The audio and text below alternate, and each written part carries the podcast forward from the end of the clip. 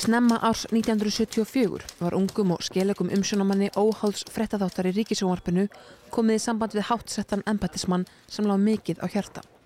Hann vildi afhjúpa sláandi nexli í dómskerfinu. Á þessum tíma var ágeng rannsóknarblæðamennska að fá byrjundur báða vangi Erlendis. Komin var fram ný kynslu frettamanna sem hika ekki við að svifta hulina á spillingu og miskjörðum valdhafa og auðjöfura.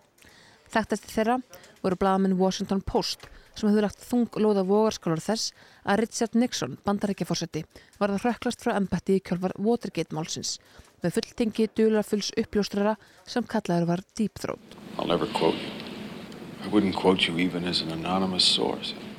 Frettahátturinn hétt Landshorn, síðar nefndur Kastljós og frettahaugurinn ungi var Vilmundur Gilvarsson, mentaður sagfræðingur sem átti eftir að verða eitt kraftmesti stjórnmálamæður síns tíma.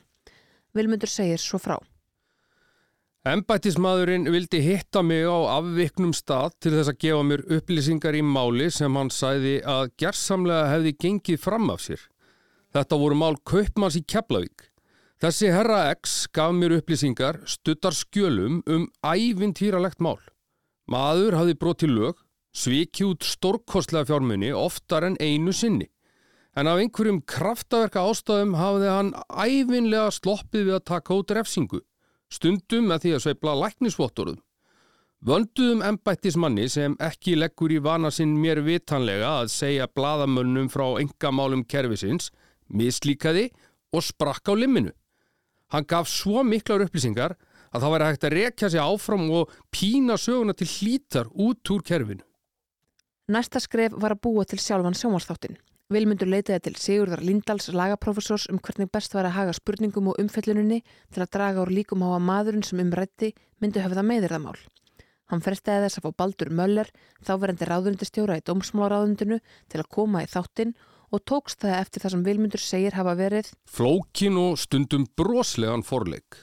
Baldur mætti í þáttinn í marslokk 1974 og reyndi með erfiðu smunum á viksla svara og vikið sér undan að svara hversum spurningum Vilmundar.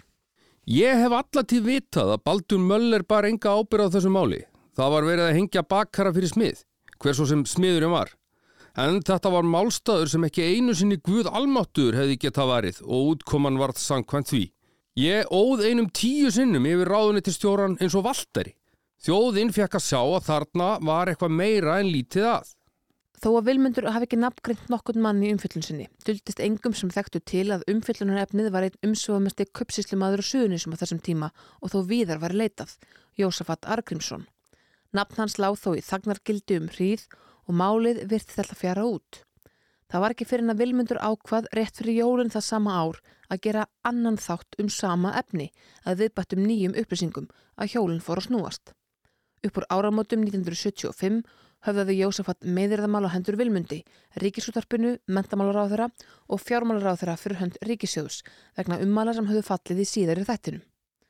Alþjóðu vissi loks fyrir víst hver maðurinn var sem hafði sloppið svo rækilega við fangavist að jafnvel þrautrendum empatismönnum blöskraði.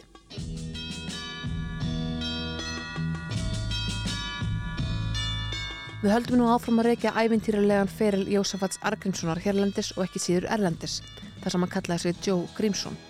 Hann var oft nefndur alþjóðlegur svikarappur í fjölmiðlum en lögmaður hans í sagamáli á sjönda áratögnum saði Jósafat hins vegar vera hvorki meirinni minna en íslenskan dreifus og líktur hann þannig við eitt þekktasta fórnalna breyttaklæps í mannkynnsögunni. Áfsóttur píslavottur eða óprúttur svindlari hverji ósköpunum var Joe Grímsson.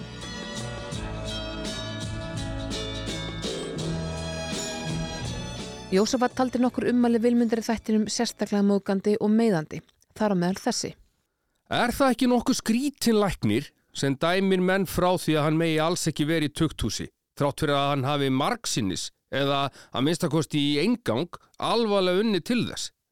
Þetta er sami maður sem á í hlut, trekk í trekk, og maðurinn segir við vini sína, hafið engar áhyggjur, ég er dæmdur trekk í trekk og fer aldrei í tukthús. Við skildum í síðasta þætti við Jósafat Argrímsson þar sem hann gekk út um dyrnar á Kvíabryggju árið 1969 eftir að hafa afplónað tvær vikur og tveggjar á fangilsastómi. Þetta var árið sem bílæðinir hættu, árið sem Mansson fjölskyttan breytti draumum hippatímans í martröð, árið sem álið tók að krauma í Strömsvík, árið sem menn stigi á tunglið í fyrsta skipti.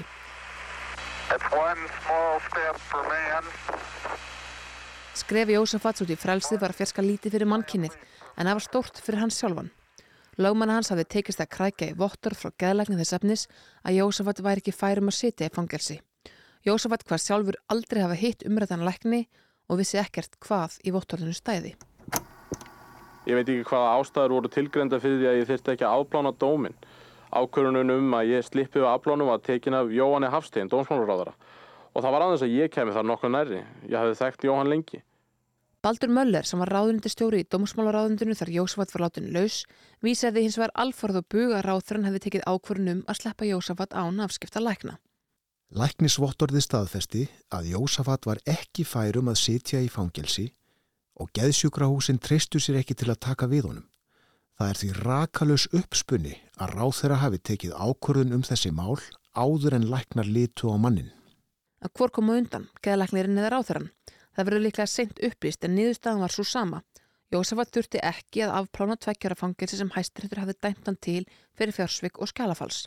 Hann var frelsinu fegin og hjælt ótröður áfram félagsstarfi sínu og markháttuðum viðskiptum þegar nýr áratúr gekk í garð. Þára meðal var flugrækstur.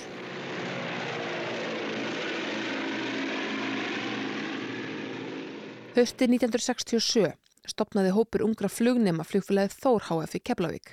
Fáinum árum síðar var hlutafjöð aukiði verulega og nýjir fjárfæstar komað reksturinnum, þar á meðal Jósafat. Þá kviknuðu hugmyndir um að færa verulega út kvíarnar. Síðar hluta árs 1970 stopnuðu útgerðamenn og fiskverkendur í Keflavík á samt nokkrum hlutum Þórs, þar á meðal Jósafat, útflutningsfélagið Sagafisk og gerur samninga við Þórum flutning á ferskum fiski á Þísklandsmarkað. Félagið tók tvær vangard skrúðóttur og leigu til að geta synd þessu verkefni. Fekk önnur þóttarnafnið Þurriður Sundafillir eftir landnámskonunni fræknu frá æskuslöðum Jósafats á vestfjörðum. Fisk útflutningun var þins vegar endasleppur og voru þá góður á dýr. Flugfélagi gekk í gegnum ímsar hremmingar næstu misseri. Samningar um ávastaflutningar frá Ítalju, Norðurabógin, flutningar á ólju frá Noregi til Grænlands, flutningar á geitakjöti frá Tyrklandi til Líbíu og flutningar á tyrkneskum verkamönnum frá Þísklandi til Tyrklands. Samningar upp á 1-2 miljardar á núverði þegar stærstu fóru allir út um þúfur. Flestir vegna þess að yfirvöldi viðkomandi löndum voru tregt til að veita flugfélaginu lendingarlefi. Vorið 1971 reði Þór HF tvær flug áhafnir með flugfröðum fyrir áformaða farþegaflutninga á milli Þýskalands og Tyrklands og voru þær þjálfaður og sendar til Englands um miðjan ágúst. En þá reyndust Tyrknesk yfirvöld tregt til að veita félaginu lendingarlefi. Þegar nýþjálfaðar áhafninar voru búin að býða í heilan mánuð í Englandi í óvissu og auralitlar snýruður heimaftur slippar og snöðar. Þá var búið að taka aðra skrúfuþótuna af félaginu en breyta hinni fyrir farþegaflutninga sem aldrei urða veruleika. Setni vilin var tekin af félaginu skömmu síðar vegna vanskila. Það hallaði hratt undir fæti. Um haustið byrti dagbæði vísir fréttum að félagið skuldaði starfsmönnum sínum 10 miljóna króna í vangöldin laun að núverði, þar sem framkom að Jósafat var einn af eigandum flugfélagsins. Var það í samræmi við upplýsingar um skráningu félagsins í viðskiptaskrá, auk þess sem Jósafat hafði oft áður verið bendlegar við flugfélagið ofinberlega. En nú bar svo við að Jósafat sendi blaðinu í snadri vottor frá bæjarfókita embættinu Keflavík þess efnis að hann var í kvorkistofnandi stjórnarmadur nýja framkvæmdastur í flugfélagsins Þór HF. Ég hef aldrei verið í stjórn Þórs, nei, aldrei verið viðriðin félagið, aldrei átt neinn hlutabrif, áengin hlutabrif. Ég kom einu svona fram fyrir hönd félagsins þegar stjórnaformaði félagsins var fyrir slísi og aðri forráðamenn voru fjárstættir. Ég leita á þessum greiða við fjölskylduvinn. Hann neytaði leiðinu öllum tengslum við sagafisk. Þessar staðhæfingar Jósafats komu mörgum á söðunni sem afskaplega og óvart, en þú hafðu þeir haft ímislegt saman við flugfélagið að salda með Jósafats sem milligangumann. Í áslokk 1972 var rekstur Þórs HF í mólum og þegar sumar ekki ekki garð hafði flugfélagið brotlenda fullu. Það hafði mist allar leguflugvélarnar og skuldaði legunum fyrir þær, hafði enga samninga um flutninga og skuldaði flestum starfsmönnum margra mánuða laun, í sumum tilvikum heilt ár. Nokkri starfsmenn félagsins höfðuðu mála hendur því og hljóðuðu heldar kröfunar upp á um 250 miljónur krónaða núverði, en félagið var að vonum eignalust að mestu. Það kemur kannski ekki sérstaklega óvart að Jósafat sem hafði harðlega neyta tengslum við félagið nokkrum mánuðum fyrr reyndist að vera varastjórnarformaðið þess. Þess má geta að málarekstur þessara sviknum starfsmanna dróst verulega langin því að hvert skipti sem stjórnarmenn Þórs voru bóðaðir í yfirheyslu tilkynntu þeir forföll með því að senda lakningsvottor um veikindi. Jósafat einhendi sér í margvísleg fastegnaviðskiptum þetta leiti, að mestu í Reykjavík og eignast þar fjölmörg hús og íbúði sem hann legði út eða seldi yfirleitt hratt. Þensla var á fastegnamarkaði og gáttum hann hagnast vel á slikum viðskiptum. Meðal annars legði Ólafur Þorlagsson, lögmaður, skrifstofu í stórhísi sem Jósafat átti við lögafög 17. tíma. Það er að segja, maðurinn sem dæmt hafði Jósafat í tveggjára fangelsi 1964 var tíu árum síðar orðin leiandans. Óhættir að segja að smæð íslenska samfélagsins leiði átt til atbyrðarásar og atvika sem þættur hreinlega ótrúverðu í skáldskap. Ég er algjörlega hafinn yfir allt hatur, ég ber ekki hendarhug í brjóstið til nokkurs manns, hvaða óréttlæti sem ég hef sjálfu þurft á þóla. Hann tóð sér ýmislegt fleira fyrir hendur þessum árum, flutti meðal annarsinn skosku rocklumstina Nazaret þjóðhóttíðasumari 1974 í samhennu við ungan og fjörmikinn keflavíking Jón Ólafsson sem var síðan meir þekktur aðtæknum aður á eigin forsendum. Jón lýsir Jósafat svo. Það var svo merkilega maður. Var sko alltaf því óafinnalega. Ívulega vel lesin. Ívulega vel fyrir hinn og öllu. Svo, svo þú heilt áður, hann það klættu þannig að hann gæti að vera verið fyrir einustu kalka pólmynd og þannig að það er undandu hlutum og svona. Á þessum tíma var Nazaret í hópi vinsalastu rock sveita heims. Jósafat gætti þess að láta sem minnst á sér bera ofinberlega eins og raunar innkendi alla hans að viðskiptahætti eftir fangilsistómin áratug fyrir. En þótt Jósafat var í ljósfælinn duldist fáum að hann fjármagnaði innflutningin bak við tjöldin og meðan Jón stóði í framlýninni. Nemndist fyrirtæki þeirra félaga Joke. Fleitja þurftin 16 tækjum og tólum fyrir hljómleikinu lögutarsöll, auk 13 manna aðstúðaliðis. Ásamt fyrir að hljómsettin gerði ímsar kostnaðarsamar kröfur um aðbúnað og uppehald. Miðaverðið var síðan það hæsta sem nokkuð tíman hafði verið rukka fyrir tónleika hérlendis á þeim tíma.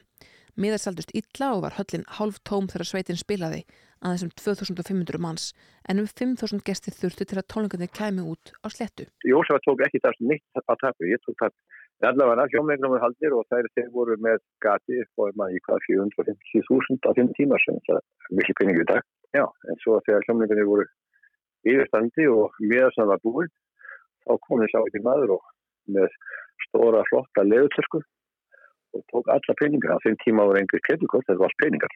Og fór með þetta bara í, í töskunni, í burtu. Og þá voru góður á dýr, en já, hafði náttúrulega aðeins verið að kynna Sigurjóni Sigvarsinni og hans stjúpfæðin hans var að vinna hjá, hjá Klásin Löfðræðvarum og var svona fulltrúið það. Þannig ég hafði sambandið hann. Og ég minnaði öll Klásin hæði hverju málu og, og, og Ragnar og þeir bara fóðu því að og þeir komu töskunum tilbaka. Þetta var drama í tvo dagar. Sko. Dagblæði tíminn lísti tónleikunum svo. Aldrei áður hafi íslenskir pop-unnendur þurft að greiða í jafnháa uppæð til að komast inn á hljómleika helendis. Aðbúnaðarinn í löðshöllinni var að væga satt til jélugur og þurftu þúsundir unglinga láti sér næja óhrind gólfið í salnum. Þá körtuð margir sáran yfir háaðanum og eitt sagði að eirn á sér hefði ekki náð þessu sem tónlist fyrir hann greip fyrir eirun. Ekki tók mikið skára við að tónleikunum loknum því að þegar flyti átti tónin 6 af hljómflutningsgræjum út á flugvöll þverneituðu flutningabílstjórnir að afhenda tækin þar nema gegn staðgreðslu. Forsvarsmenn Ís Kargo flugfélagsins neituðu sumu leiðis að leifa flutningabílin að fara í loftið nema búið var að greiða flutningaskjöldina fullu. Það var 5 miljónir krónað núverði. Brottför flugvilarinnar dróst því um tvær klukkstundir að meðan þess að beða að Jósafat kemur brunandi frá Keflavík og listur úr vandanum. Hann kom loks og greitti alla flutningarna í reyðu En þó að Jósafat hafi greitt flutningarna með reyðu fór fjarrri að það veri algengt í hans viðskiptum. Í byrjun mars 1974 gerði Sæðlabankin skyndikörun hjá bankastofnunum landsins á því hversu margar innistæðuleysar ávísinar hefðu búrist þeim fyrsta fymtudag mánadarins. Í ljós koma hvorki meira enn minna en 807 slíkar ávísanir hafðu borist böngunum þann eina dag að upphað tæfla á 200 miljónu króna á núverði. Var það met í innistæðuleysi nær þrefald herri upphað en áður hafðu uppgötast í sambarilegum skindikönnunum. Þegar farið var að rína í ávísannar kom í ljós að einn og sami maður hafði reytað napsitt á 10-15 innistæðuleysar ávísanir að andverðum 73 miljóna króna á núverði annarkvort sem útgefandi eða framsjálandi og bar þannig ábyrð á röskum þriðjungi heildar upphæðar innistæðuleysara ávísana á landinu öllu. Þessi konungur gúmitsjakana var Jósafat Argrímsson. Á sumum ávísunum sem tengdust Jósafat var þó líka finnum nöfn þryggja annara manna sem útgefanda eða framsælenda. Næstu dag og eftir heldu áfram að berast til Sælabankans innistæðulösar ávísanir gefnar út af Jósafat og félögum. Þegar allt var saman talið namn heildar upphæðin samtals 153 miljónum króna á núverði. Sælabanki sendi ríkisaksónhara kæru 11. mars og benti meðal annars á að Jósafat hefði verið að skrá yfir þá sem óheimilt væri að opna ávísunareikninga í fermálastofnunum, öðru nafni svörtum lista, samkamt samkómalagi sem allir bankar og sparisjóður hafðu gert nokkura áður til að spórna við misnótkun á þessu kerfi. Óskaði Sælabankin því eftir að aðtóð þeirði sérstaklega hvort útibúrstjórarbankana sem umrætti, allir í Keflavík, væri á nokkun hátt bendlegar við ávísunamisferðli Jósafats. Sumuleiðis, hvort veri gæti að einhver starfsmæður embatis bæjarfókiti Keflavík hefði aðstóðuð Jósafat við miðsferlið. Saksóknari bað dómsmálaráðundið um að taka ákverðunum hvernig best var að rannsaka málið í ljósi umfangsþess og flækjustiks og var ákveðið að skipa umbúðstómara í málunu. Á þeim tíma týðkaðist að veita mönnum tíu daga frest til að greiða skuldina eftir að innistæðulegs ávísun uppgötaðist að viðbættri sektarkæðislu. En Jósafat tókst aðeins að útvega hluta fjárins á tilskildum tíma en það heldar upp aðein gríðar há. Jósafat var settur í gerstuvarald vegna ávísanamálsins í ágúst 1974 en ekki var dvöl hans en hann vekja hekkingarhúsins íkja laung. Hann hafði aðeins settið tvær klukkustundir á bakvið lás og slá þegar fyrirmæli frá dómusmálaráðundunum bárust um að láta hann tafarlust lausan. Var svo skýring gefin að saksóknarinn sem óskaði gerstuvaraldsins hefði verið og fljótur á sér og Jósafat því ekki fengið næjanlega tíma til að ganga frá sínum málum venju samkvæmt. Þegar Kastljósþáttur Vilmundar var sendur út skammi fyrir jól hittnaði hins að vera í kólum. Vilmundur taldi sig hafa undirbúið þáttin vel til að gefa Jósafat ekki tilefni til meðiramáls. Við köllum það að dansa línudans á meðirðalögjöfinni. Það var korki fljóttræði eða upplaup, heldur þræl undirbúið. Ekki vakti sérstaklega fyrir Vilmundi að klekja á Jósafat, heldur fyrst og fremst að vekja aðtekli almennings á því hversu mjög íslenska domskerfið einkendist að seinvirkni og sovandahætti, engum varandi framkamt refsutuma. Þar virtist það nánast úrraða laust. Mál Jósafats var ónættilega erkitaðum slíkt. Vilmundur rættum skýslu sakadómara í stóra ásunamali Jósafats og félaga og saði ljóst að hún var í vittnesbyrður um Stórkostlegt virðingaleysi þessara manna gagvart eignarétti og hins vegar, og það er kannski alvarlegra, virðingaleysi þeirra gagvart réttarkerfinu í landinu. Vilmundur spurði Baldur Möller, ráðunundistjóra í dómsmálraðinu meðal annars Hvaða hulin vættur er það í kerfinu sem heldur hlífiskildi yfir þessum forkostulega nánast dæmalösa manni? og bætti við um Jósafat. Það er augljóst að hann hefur stáltögur í viðskiptum en taugalös í tukthúsi. Þátturinn vakti mikla aðtegli. Þrátt fyrir varóðar rástafanir Vilmundur höfðaði Jósafat mál og taldi ummæli sem falli höfði honum meiðandi og móðgandi og að veruleguleiti ósönn. Hann krafist þess að átta ummæli Vilmundar í þættinum eru dæmt döð og ómerk, að Vilmundur eru dæmdur í þingstu löglegu refsingu fyrir þau og þar að auki krafist hann bóta upp á tæplega 5 miljónur króna á núverði. Valgerður Bjarnadóttir, fyrirverandi alþengismadur, var gift Vilmundi á þessum tíma. Og ég man eftir því sko að Vilmundur hann tók eh, þessa málsöðum strax mjög alvarlega.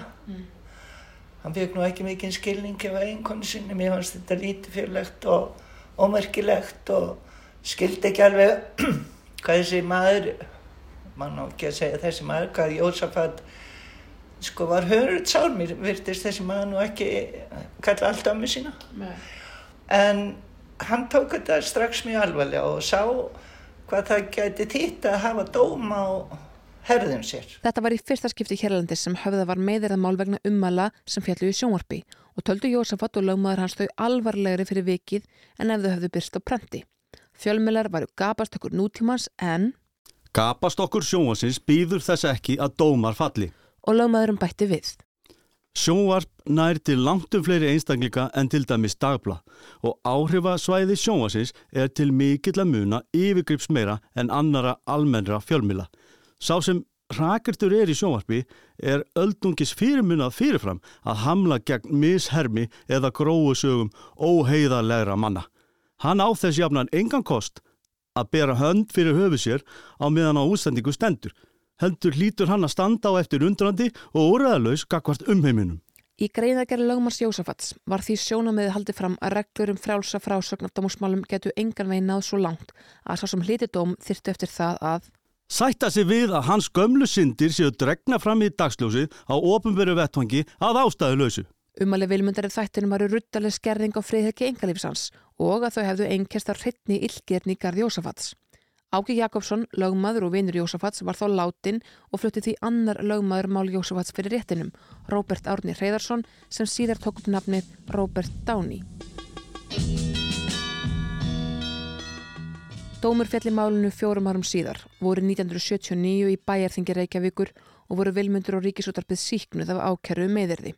Dómarinn taldi að vilmundur hefði ekki farið yfir eðlileg mörk í málflutningi sínum í Kastljósi. Spurningar hans hefðu aðalega falið í sér gaggrinni og yfirvöld dómsmála og hefða nefnt raunheft dæmi, Mál Jósafats, til að leggja áherslu á þá gaggrinni. Jósafats sættis ekki við hann dóm og áfreyjaði til hæstarettar. Þar fóru leikar á sama veg. Vilmundur og ríkisútarpið voru síknuð. Þó var eitt liður ummala vilmundar í umrættu kastlösu talin óviðurkvæmilegur. Þau sem lutu að myndri tilvutnunni Jósafat við vini sína um að þeir ættu ekki að hafa neinar áhyggjur. Hann fari aldrei í tuktursvið þó að hann veri dæmdur trekk í trekk. Á sama tíma og stóra ávísunamálu kom upp lágu fjölmörg vikslamál þar sem Jósafat komið sögu fyrir domstólunum og það var því ekki ástæðu lausu að eitt dagblæðina létt svo um mælt að Það er ekki hægt að segja annað en að Jósafat bæti talsförðu ofan á fleiti fulla kunnu dómskerfisins. Vikslamálinn tengdust mörg hver fastegna viðskiptum Jósafats og félaga. Frá ársbyrjun 1975 til haustins 1976 eða á aðeins átján mánuðum áfreyjaðan hvorki meira nefnina en 12 vikslamálum til herstaréttar sem höfðu fallið honum í óhaga á neðra domstígi. Hæstiréttu dæmdi í nokkrum þessara mála. Svo kallar útvistadómur var feldur í nokkrum til viðbútar. Það er þegar áfríðandi mætti ekki réttunum var málið fælt niður og nokkur til viðbútar urðuða engu vegna þess að samkomla náðust á milli aðila meðan þau byðu réttarins. Niðurstaða flestra þessara dómsmála var Jósafat í óhag og hann þurfti að eða stórfið í málskostnað og sektargreðslur að auki hafði Sakadómur Reykjavíkur og ríkiseksónari til rannsóknar eða meðferðar á þeim tíma kærur þar sem Jósafat heldi fram að undirskriftans hefði verið fölsuð á nokkrum vikslum að samtals á 12 miljón króna á núverði. Kærurnar læði Jósafat fram þegar átt að innhemta gældfallna viksla samþitta af húnum. Rithandarsérfræðingur Sakadóms rannsakaði undirskriftnar og taldi urugt að þær varu ekki falsaðar. Þrátt verið þá niðurstöðu hjælt Jósafat fast við sinn keip og veldust málinni kerfinu drú og hríð fyrir vikið. Slikar staðhæfingar um meintar falsanir og undirskriftum, ég skrifaði þetta ekki, ekki mín réttönd og voru raun eina vörnin í bóði fyrir fólk sem saka var um útgafu innistæðulegsra viksla. Frettablaði vísir hjælti fram að umrættar kærur Jósafats varu þokkabót ekkert annað en nýstarleg aðferð til að tegja málaregstur á langin. Kaupir sér tíma ef svo má segja að maður reynd var að bjarga málum fyrir horn. Jósafat kærði leika nokkra lögmenn fyrir mynd misferðli með viksla í hans nafni en hafði yfirleitt ekki erindi sem erfiði. Hann kendi domstólunum jafnan um þau málalög sem hann var ósattur við. Ég tel mig hafa þann andlega þróska til að bera að gera mig grein fyrir því að fræðilega eru þrjá hliðar á öllum deilumálum. Mín hlið, þín hlið og sannleikurinn. Því miður sannar svo skoðun stóist á ofta að sannleikurinn er aðeins hugtak. Sérstaklega það sem lög og réttur eru annars vegar og sannleikurinn fær ekki að koma stað. Valdir Sigursson, fyrir ríkisaksónari var dómarafulltrú í Keflavíka þessum árum og þekkti því vel til brotamála Jósafats og hann þekkti líka vel til þess hversu heitlandi Jósafat gæti verið og sannfærandi. Einu sinni kom að rúta Svíðkjaflaug af laganima. Ég man ekki hvað það hefur verið, sennilega eitthvað 74-75 eða ég veit ekki. Og ég tek á mótið þeim og verið að tala við á í dónsalum og kynna þeim bettið. Og þá er alltaf verið að spyrja á hann, já þið eru með hann að manni ykkar undan með Jósafat Argrínsson og það þið gerir ekki neitt og blá blá. Þetta kemur alltaf upp, þannig að ég sé býða þess og ég fer í síman og ringi Jósafat í búð og segi getur ekki komið nefn þetta bara og, og svara þessu sjálfur.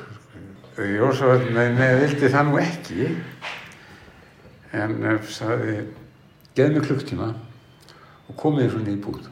Jájá, við heldum áfram í klukktíma og svo fór Rúta niður til með liðið og þegar við komum niður til þá liðir hann okkur í gegnum allar hæðinir upp á þriði hæð sem var, var salur. Þar er hann búin að rigga upp veisluborði, alveg hreint nóg af víni og öllu sem hægt var að móka á borði með stuttum fyrirvara. Og mennum hljóttir að grípa í þetta þetta var náttúrulega tilgangur þessara svokvöldu vísindaferða var nú alltaf öðljós sko. En uh, þegar að menn svona voru að, búin að drekki sér kjarku alltaf að fara að spurja Jósafat svona ágengra spurninga þá vindur hann sér í borðsendan og, og slæðir í glas og, og er að halda ræði. En Jósafat byrjar að fara í gegnum lögbók Hammurabís og heldur áfram upp í gegnum andalagana og, og uh, endar að fyrir að tala um lögmenn og þeir gleymi alltaf grundallar atriðanum sem að séu það að það séu alltaf mín hlið og þín hlið og sannleikurinn. Og þegar þessar ræðu líkur þá bara lístur hópurinn upp því líkur húrar hópum og látum að allt kolla að kera. Ég fór með rútun í bæin og það var ekki fyrir að svona, fór nálgast hafnafjörðan og fór að hugsa, já, betur, hvað gerðist þannig? Það spurði, spurði ekki neitt. Og uh, þetta svona lísi Jósvað, sko. Hann, hann var með mikið sjarma og sér uh, talað og, og, og bara fengi menn með sér. Jósafat nýtti sér á þessum árum yðurlega þjónustu Jóhanns nokkur Stefanssonar sem kunnu var undir nafninu Jói Svarti og kom oft við sögu fjársveikamála á Íslandi á 8. áratug 20. aldar. Við dómsrannsókn ára 1977 viðkvæmdi Jói Svarti að hann hefðum 6 ára skeið tekið að sér að selja viksla fyrir Jósafat fyrir á annað 100 miljónir á núverði. Jói Svarti seldi vikslana með afföllum og nafn mismunurinn á milli útgáfuvers og sjöluverð sem 50 miljónum króna á núverði. Jósafat taldi Jóasvart að skulda sér þá upphæð og félst þá síðanandi á það sjónamið eftir nokkuð þref. Jóasvarti fullirti við yfirherslur að sumari 1974 hefði Jósafat stungið upp á að hann kifti árbæjarbúðina sem var til sölu í því skín að nýta þá eign við uppgjör skuldarinnar. Versluninn Sú seldi meðal hans undirfött kvenna í miklu úrvali og prónavörur og gerfiðefnum. Hjælt Jói svarti því fram að þegar kaupin voru frágengin hefði Jósafat útvið honum náungætt, frekar auðtrú og mann og meðfærilegan til að vera prókúru hafi fyrir búðina. Þegar allt var klappað og klárt útbyggur þeir Jósafat og Jói svarti í samanningu 20-30 viksla upp á 25-30 miljonir króna á núverði og litur prókúru hafa hann samþykja þá í nafni búðarinnar. Hann var með öllu grunnlaus um að búðin ætti enga innistæðu fyrir vikslunum og skrifaði upp á þá spurningalust. Jósafat fekk sig hann vikslana í sínar hendur og notaði hlutaðir í viðskiptum en nittist þó til að greiða það úr eigin vasa þegar viðtakandur þeirra uppgútuðu sér til mikillar gremju að fyrir þeim var engin innistæða. Þegar Jósafat var yfirherður neytaði því bæði hafa haft frumkvæðað að kaupum Jóa svarta og undirfatta á gardbúðin í árbænum og því að hafa útvæðað prókur að hafa hann trúgjarna. Hann viðkynnti þó að hafa tekið við vikstunum upp í gamla skuld. Lauruglunni tókst ekki að sanna að Jósafat færi með rangt málum aðalt sínaða búðarkaupunum og vikslaútgáfinni og má segja að þar hafðis hurð skollinari hælum Jósafats. Jósafat blandaðist með svipa leiti inn í annað umfangsmikið sagamál þar sem Jói svarti leik stórt hlutverk, svo kallað flugfraktarmál. Hjálparkokkur Jóa svarta í því máli var maður nafni Guðbertur Pálsson, yfirleitt nendur Batti Rauði. Ásamt þeim svarta og þeim Rauða voru sagborningar stórkaupmenn, heilsaðar og afgræslumadur í flugfraktinni tókst þeim að svíkja út úr vörugemstum flugfélagana alls 32 vörusendingar að vermaði samtalsum 200 miljónur króna á núverði. Fimm voru ákveðir í málunu og var Jósafat ekki þar á meðal, en hafðan þó haft ímislegt við fimmenningana sælda á umrættu tímabili. Meðal annars greitt hann innköpa verð tveggja vörusendinga að beðinni Jóasvarta og félagans sem nefndur var Geiri Stæll, með ávísun sem dagsett var fram í tíman. Jósafat fekk síðan hluta af útlöðum kostnaði tilbaka þegar búið var að selja vörurnar. Þegar málið kom til kastalörglu neytaði Jósafat allri vittnesku um tollalagabrót ákerðu að ávísinir hefðu verið innistæðulösar og vikslar hefðu verið vafasamir og ekki tókst að sanna á hann neyn brót. Hann fekk því réttarstöðu vittnis í málinu og má segja að hann hafi sloppið með skrekkin eins og oft áður og síðar. Jói Svarti hafði fjórum sinni morði gæltráta þegar flugfrættamáli kom upp og var í fymtu gæltráta meðferðinu um þetta leiti. Haldur Haldursson Einn af brautriðendum í rannsóknarblæðumsku Hérlandis rindi í dómskjölinn og lísti furðu yfir að myndur forsparki málsins Jói Svarti var í gæltróta í ljósa þess hversu háar fjárhæðar hann hafði svekið út. Í skrifum sínum í dagblæðinu lendi Haldurði illa að hann taldi Jósafat vera hinn raunvurlega höfuðpur málsins. Man skildi ætla að fóringja tegn fylgdu viss forréttindi og Jói Svarti fengið að minnstakosti eitthvað fyrir sinn snúð. Eða er fóringin kannski einhver allt annar maður sem ekki hefur verið ákjærður. Það kemur ekki óvart.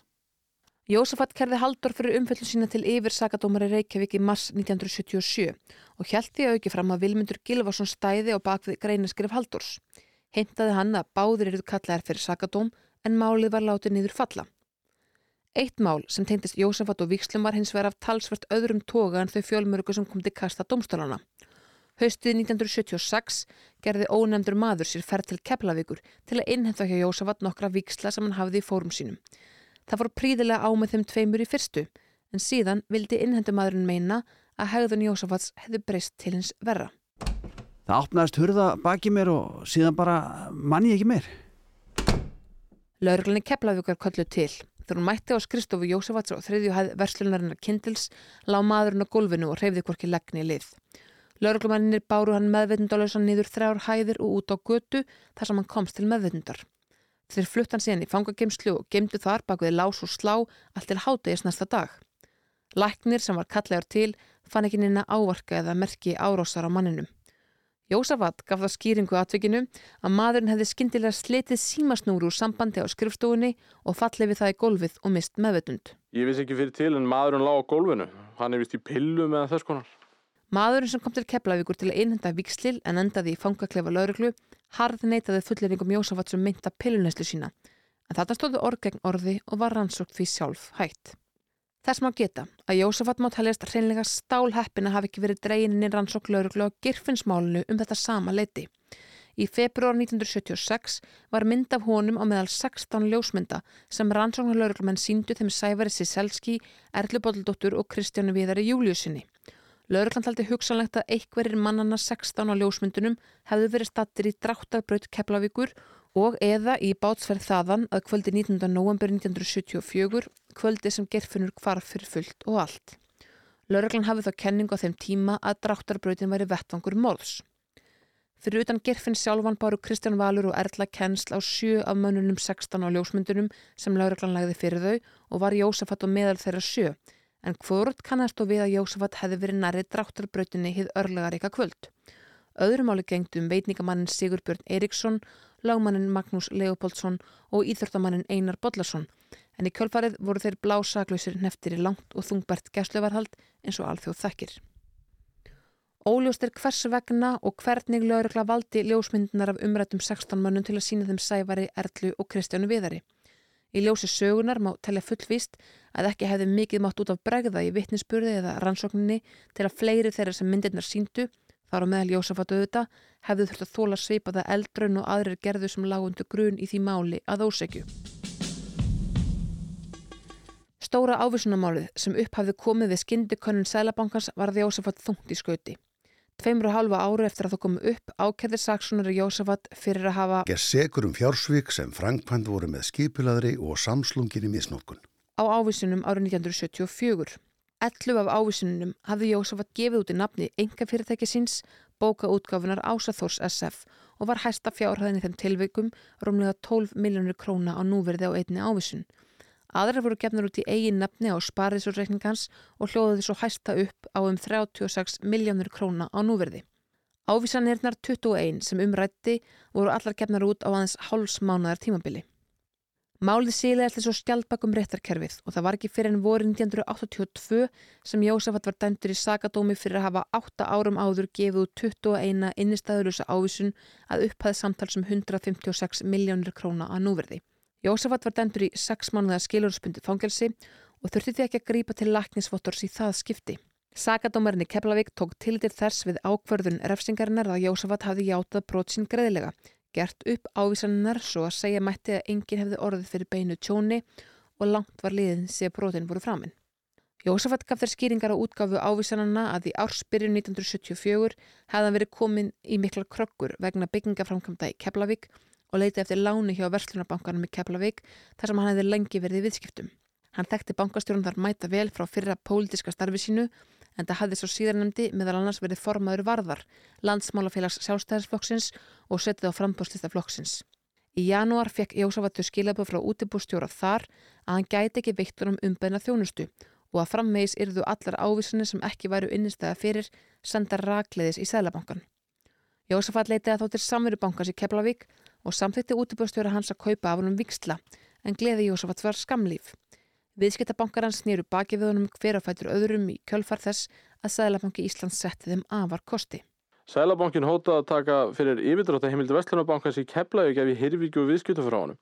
Bankastjóru Vestlunabankans saði alveg greinilegt að ákveðin öll vildi koma mér á kaldan klaka. Ég færiði viðskiptum mín yfir í samfunnubankan í Keflavík og þá var hringt úr Sælabankunum í aðstofamann útubústjórans og honum hótaði að liklavöldin eru tekin af þeim ef allar ávísanir frá mér eru ekki endursendar.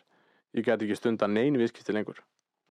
Gamli hortstættin í Rekstri Jósafats, verslunar fyrirtækið Kindill í Keflavík, varð gjaldrúta.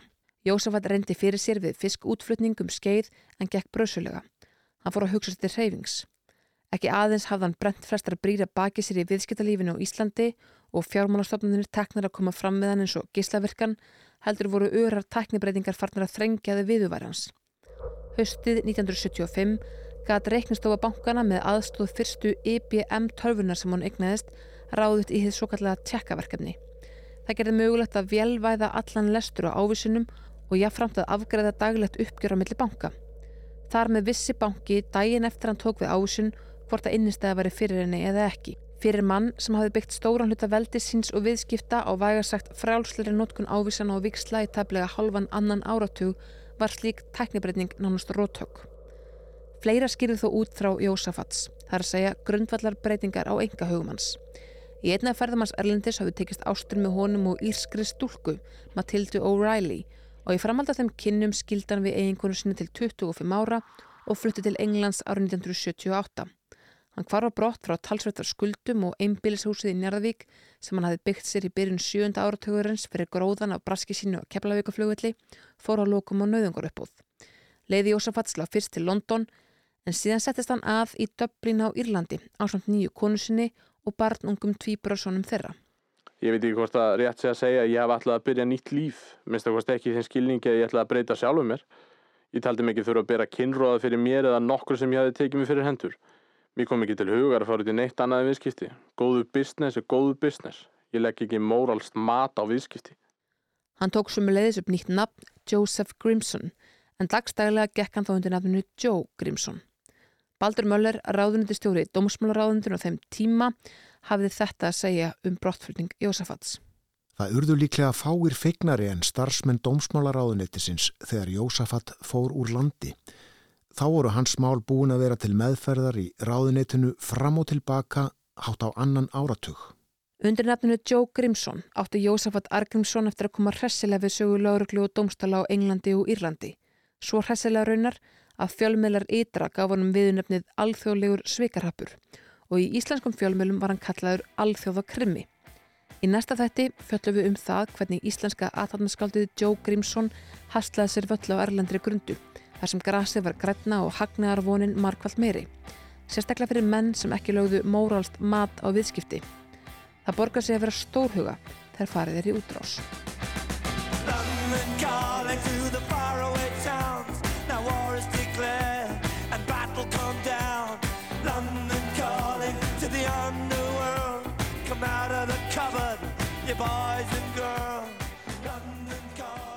Þetta var annar þáttur á fjórum um Joe Grímsson, handrit Sindri Freysson, dasgrágerð Snærós Sindradóttir. Lestur, Ottur Þórðarsson, Freyr Rökkvaldsson, Björn Þór Sigurbjörnsson, Sindri Freysson, Karl Magnús Þórðarsson, Gunni Tómasson, Andri Freyr Viðarsson og Rúnar Róbertsson. Við þökkum starfsfólki Þjóðskjálasaps Íslands, kærlega fyrir veita aðstóð, sérstaklega Benedikt Eithósinni, fagstur og upplýsingaþjónustu og starfsfólki Safnadeildar Rúf fyrir ómælda aðstóð. Fylgist með næsta þætti af Joe Grímsson. Temptation zone. Forget it, brother, you can go it alone. London calling to the zombies of death. Quit holding out and draw another breath. London calling, and I don't want to shout. But while we were talking, I saw you nodding out. London calling, see, we ain't got no hide. Except for that one with the yellowy eyes. The ice is coming, the sun's a nuclear error. But I have no fear, cause London is drowning.